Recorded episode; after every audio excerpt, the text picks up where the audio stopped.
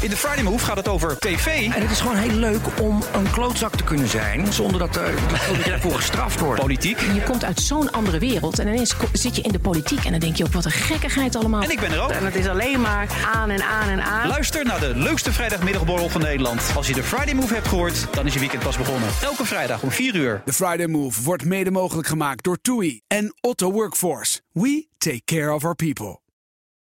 Vanavond natuurlijk de coronapersconferentie en ongevaccineerde aanpakken. Het mag van de Tweede Kamer. Politiek verslaggever Sofie van Leeuwen in de Tweede Kamer. Sofie, minister De Jonge nog gezien vandaag? Ja, zeker. Die heeft vanmiddag een knoop doorgehakt. Wat gaan we doen in de persconferentie? Ja, alles was gisteren natuurlijk al uitgelekt, hè jongens. Bijna alles. Ja. Maar ja, die QR-code uitbreiden, handhaven met mystery guests... en de terugkeer van de mondkapjes in de winkels. Dat is toch wel even een nieuwtje van vandaag. De jongen wil het niet bevestigen. Die zegt tegen ons tot vanavond. Ik kan daar niets over zeggen. Ook niet over de maatregelen, omdat we het echt gewoon vanavond gaan doen. Vanavond om 7 uur is de persconferentie. En, en dan hoort u wat het besluit is geweest. Komt er steun voor getroffen sectoren? Ja, nu gaat u echt proberen de hele persconferentie van vanavond al te gaan doen. Ik ga gewoon snel aan het werk.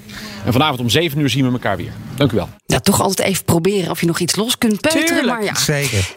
We moeten even geduld hebben tot 7 uur vanavond, dan live op BNR. En Rutte is ook weer terug, denk ik, van de klimaattop in Glasgow.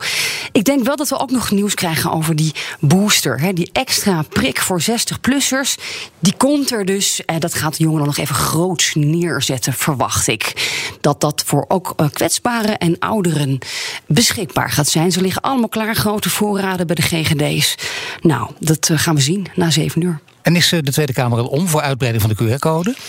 Nou, wat interessant was dat er zojuist een hoofdelijke stemming is geweest. En ja, een deel van de Tweede Kamer is natuurlijk heel boos vanwege uitsluiten van ongevaccineerden met die QR-code. De motie zei: je mag ze nooit anders behandelen, die ongevaccineerden. Ja, en die haalt het dus niet in de Tweede Kamer. Er is geen meerderheid voor. Tot toch wel uh, teleurstelling van de rechterflank van de Kamer, zoals Wieberen van Haga. Die sprak ik even bij de lift in de Tweede Kamer. Ik vind het volslagen debiel. Uh, als je in een pretpark of in een uh, dierentuin een QR-code moet gaan laten zien. Het, uh, maar ik vind de sportschool misschien wel het ergst. Als ik niet meer kan sporten doordat Hubert Bruls mij gaat vertellen dat ik ongezond ben en niet meer naar binnen mag. Ja, ik, ik vind dat echt de wereld op zijn kop. Je kunt een test doen. Ja, voorlopig nog wel. Maar ze denken na over het 2G-systeem. En uh, als dat eenmaal zover is, dan schakel ik echt uit. Dan doe ik niet meer mee. En dan roep ik ook iedereen op om dit kabinet totaal te boycotten. Ja, dat was de ping van de lift die je zojuist hoorde hier in de Tweede oh, Kamer. dat ik wou zeggen, ja. En veel andere partijen, ja, die zijn toch al bezorgd. Ja, die zien die oplopende cijfers en die zeggen... Nou, weet je, je moet toch wel iets doen tegen ongevaccineerden. Dus een beetje uitbreiden van de QR-code naar hè, de sportscholen, et cetera. Daar gaan ze niet met z'n allen voor liggen, verwacht ik. Maar er zijn wel ook zorgen, hoor, Paul. Um, ook de gevolgen natuurlijk, de economische gevolgen... van het beperken van, van toegang. Nou ja, noem eens wat, bij een pretpark. En daarover sprak ik ook nog even Romke de Jong van D66. Ik snap dat ondernemers hier van worden, dit soort berichten. En ik begrijp die zorgen. Maar ik begrijp ook dat het alternatief veel minder mooi is. Als we werken naar een lockdown of het sluiten van bedrijven, heeft dat veel grotere impact. En dat is de keuze die we natuurlijk moeten maken. Of dus een QR-code bij de ingang of een lockdown. Nou, ik weet het niet, maar op dit ogenblik stijgen de cijfers gewoon heel erg hard. En dat gaat wel heel erg snel. En dan is het wel een kwestie van hoe houden we iedereen veilig en gezond. En aan de andere kant, hoe zorgen we er ook voor dat we zo min mogelijk impact hebben op de economie. En willen we ook de economie gezond houden, is het echt belangrijk dat we niet weer opnieuw bedrijven gaan sluiten. Dat we niet meer opnieuw in een lockdown komen. Dat wil ik de kosten wat het kost gaan voorkomen. En als dat betekent dat er maatregelen nu voor nodig zijn, ja, dan staan we er wel voor open. Nu hebben we een opvolger van de TVL, namelijk de VLN-regeling voor nachtclubs. Kunnen bedrijven die niet stiekem gebruiken als ze, als ze er niet helemaal uitkomen deze winter? Nou ja, dat was wel het uitgangspunt van het kabinet. Echt voor de nachthoreca. Maar u heeft natuurlijk ook meerdere partijen, waaronder die van mij, gewoon heeft horen zeggen: zeg gewoon wat dit is. Dit is een tegemoetkoming vaste lasten voor bedrijven die het echt heel erg zwaar hebben. En daar staat mijn partij wel achter. Ja, dus als de Efteling het zwaar krijgt, dan kunnen ze misschien daar nog een beroep op doen. Nou, ik hoop de Efteling het helemaal niet zwaar krijgt. Ik hoop dat we straks allemaal gezellig uh, mooi in die Python weer uh, uh, kunnen gaan. Maar dat betekent wel dat we nu echt even scherp moeten zijn. En moeten kijken of we die besmettingscijfers zo laag mogelijk kunnen houden. Zodat die ondernemers weer gewoon kunnen ondernemen. En niet alleen maar te maken hebben met maatregelen. Zij Romke de Jong van D66. Ja, even over die opvolger van de TVL. Hè. Je kunt de steun vragen, maar dan moet je wel 50% omzetverlies hebben. Ja, dat ga je waarschijnlijk niet halen met zo'n QR code extra toegangsbewijzen die je gaat inzetten, denk ik, in de dierentuin. Ja, en de vraag is natuurlijk ook nog, hoe toon je het aan? En je had voorheen kon je gewoon heel makkelijk aantonen... nou, ik heb zoveel procent omzetverlies. Het was helder dat dat door bepaalde maatregelen kwam. Maar hoe toon je nou aan dat er minder mensen bij jou binnen zijn gekomen... omdat ze geen QR-code willen laten zien? Ja, ik weet ook niet of je dat echt moet onderbouwen. Het gaat om die omzetcijfers die je dan bij het ministerie van Economische Zaken moet inleveren. Daar wordt trouwens ook misbruik van gemaakt als je de tent dichtgooit. Maar ja, je aantonen lijkt me sowieso heel erg lastig. Ja, en überhaupt uh, gaan we dat handhaven? Hè? Dat is natuurlijk de grote vraag van vandaag. Ja. Hoe gaan we dat doen met mystery guest? Nou ja, dat klinkt ook wel een beetje als ja, spioneren. Ja, maar, maar, ook daarvan maar... vraag ik me af, Sophie, waarom is dat nou steeds een issue? Want we weten toch dat je nooit niks in het leven 100% kan handhaven. Ik, ik, zeg, ik noem maar even de 100 kilometer op de weg rijden. Dat handhaven we met z'n allen, toch? Zeggen we? Ja, Alleen, ja. ik zie nooit elke dag op dezelfde plek flitser staan. Dus het wordt niet constant gehandhaafd. Dan wordt er nu bij corona... Het eerste wat je hoort als er een nieuwe maatregel komt... is het, we kunnen het niet handhaven. Nee, natuurlijk niet. Je kan helemaal niks 100% handhaven. Waarom is dat een issue eigenlijk? Nou ja, het is natuurlijk ook ja, een issue is natuurlijk uh, hoe het nu gaat in de ziekenhuis met die oplopende cijfers. En Ja. wat moet je dan nog doen? Is dit pakket wat we nu gaan presenteren, is het wel, doet het wat het moet doen? Ja. Is dat wel voldoende? Dat is natuurlijk de grote vraag. Ja, en, snap eh, ik, maar dat anders argument- kun je ook de boel gaan dichtgooien. Maar ja, je hoort dit ook eh, in de Tweede Kamer van een, een nieuwe lockdown. Daar zit toch niemand op te wachten. Dus wat moet je. Het kabinet is natuurlijk een beetje uitgespeeld op deze nee, manier. dat snap ik. Sorry, ik zat heel erg op dat handhavingsbeleid. en dat er mensen die daar verantwoordelijk voor zijn... dan eigenlijk altijd zeggen, ja, we kunnen het niet handhaven. Kun je ook niet zeggen. Je kunt ook gewoon zeggen, oh, dat is een nieuwe maatregel. Oké. Ja. Dat kun je ook zeggen. Nou ja, ik, ik, ik denk, wat gaan, we, wat gaan we straks doen? We gaan straks overal dus die, die, die QR gaan we dan vragen. En vervolgens, ja, ja wat, wat gaan we dan zien? Gaan, En wat gaat dat dan doen? Ja. Nogmaals, met de, ja, de, Met de de situatie, met de winter die voor ons ligt. Ja. Eh, ja, natuurlijk, ja, je kunt er dus over discussiëren, wel of niet handhaven. Maar misschien moeten we onszelf weer allemaal opsluiten en, eh, en de groepsgroottes weer gaan beperken. Of, Nee, of ja, de anderhalve meter weer invoeren en wetswijzigingen de komende weken doorvoeren in de Tweede Kamer. Er ligt nog allerlei, eh, ja, allerlei oplossingen, maar eh, iedereen is een beetje moedeloos hoor op dit moment in Den Haag. Want Sophie, daarom gaan we gewoon even naar een ander onderwerp. verder Naar een ander onderwerp en over moedloos gesproken. Ja, dat is een oude bekende, hè, de hypotheekrenteaftrek. Je sprak ook met Wopke Hoekstra, de demissionair minister van Financiën. Ja, want die schreef een brief van de Tweede Kamer eh, vandaag. Eh, gisteravond was het, geloof ik.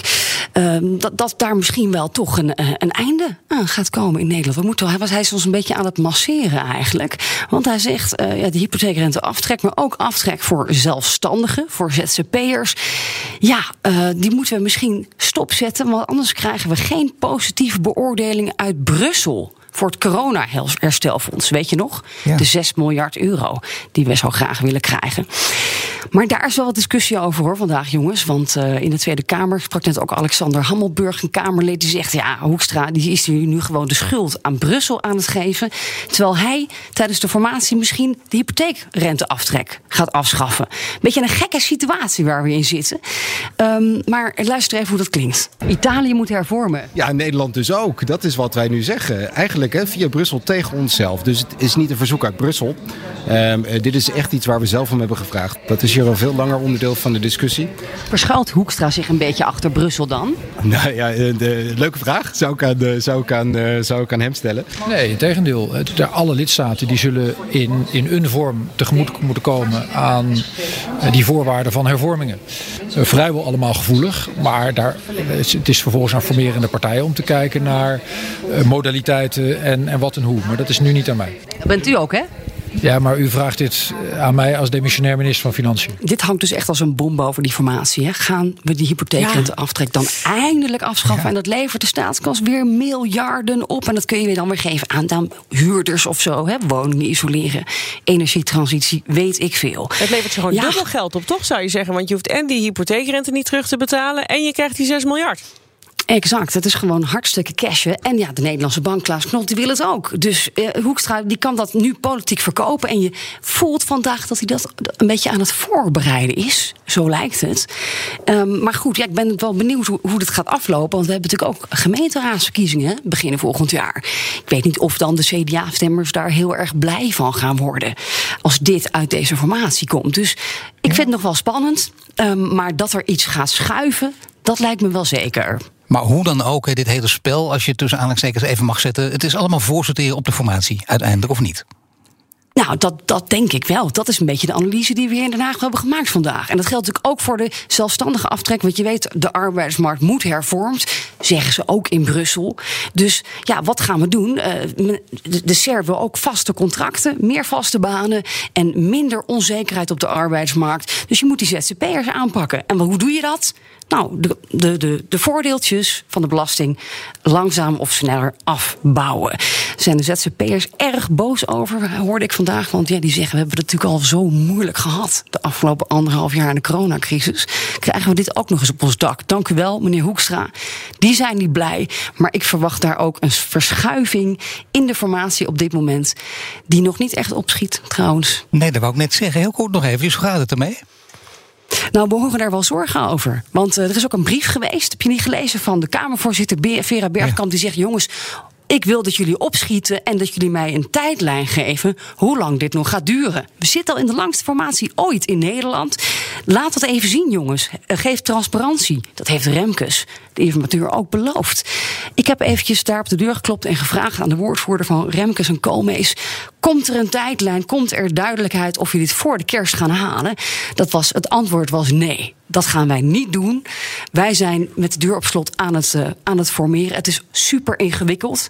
Met name de uitvoerbaarheid van alle klimaatplannen. En de, toeslagen natuurlijk bij de Belastingdienst. Wij gaan geen tijdlijn uh, maken. Want dan pinnen we ons ergens op vast wat we totaal niet kunnen waarmaken. Dus dat kerstkabinet, jongens.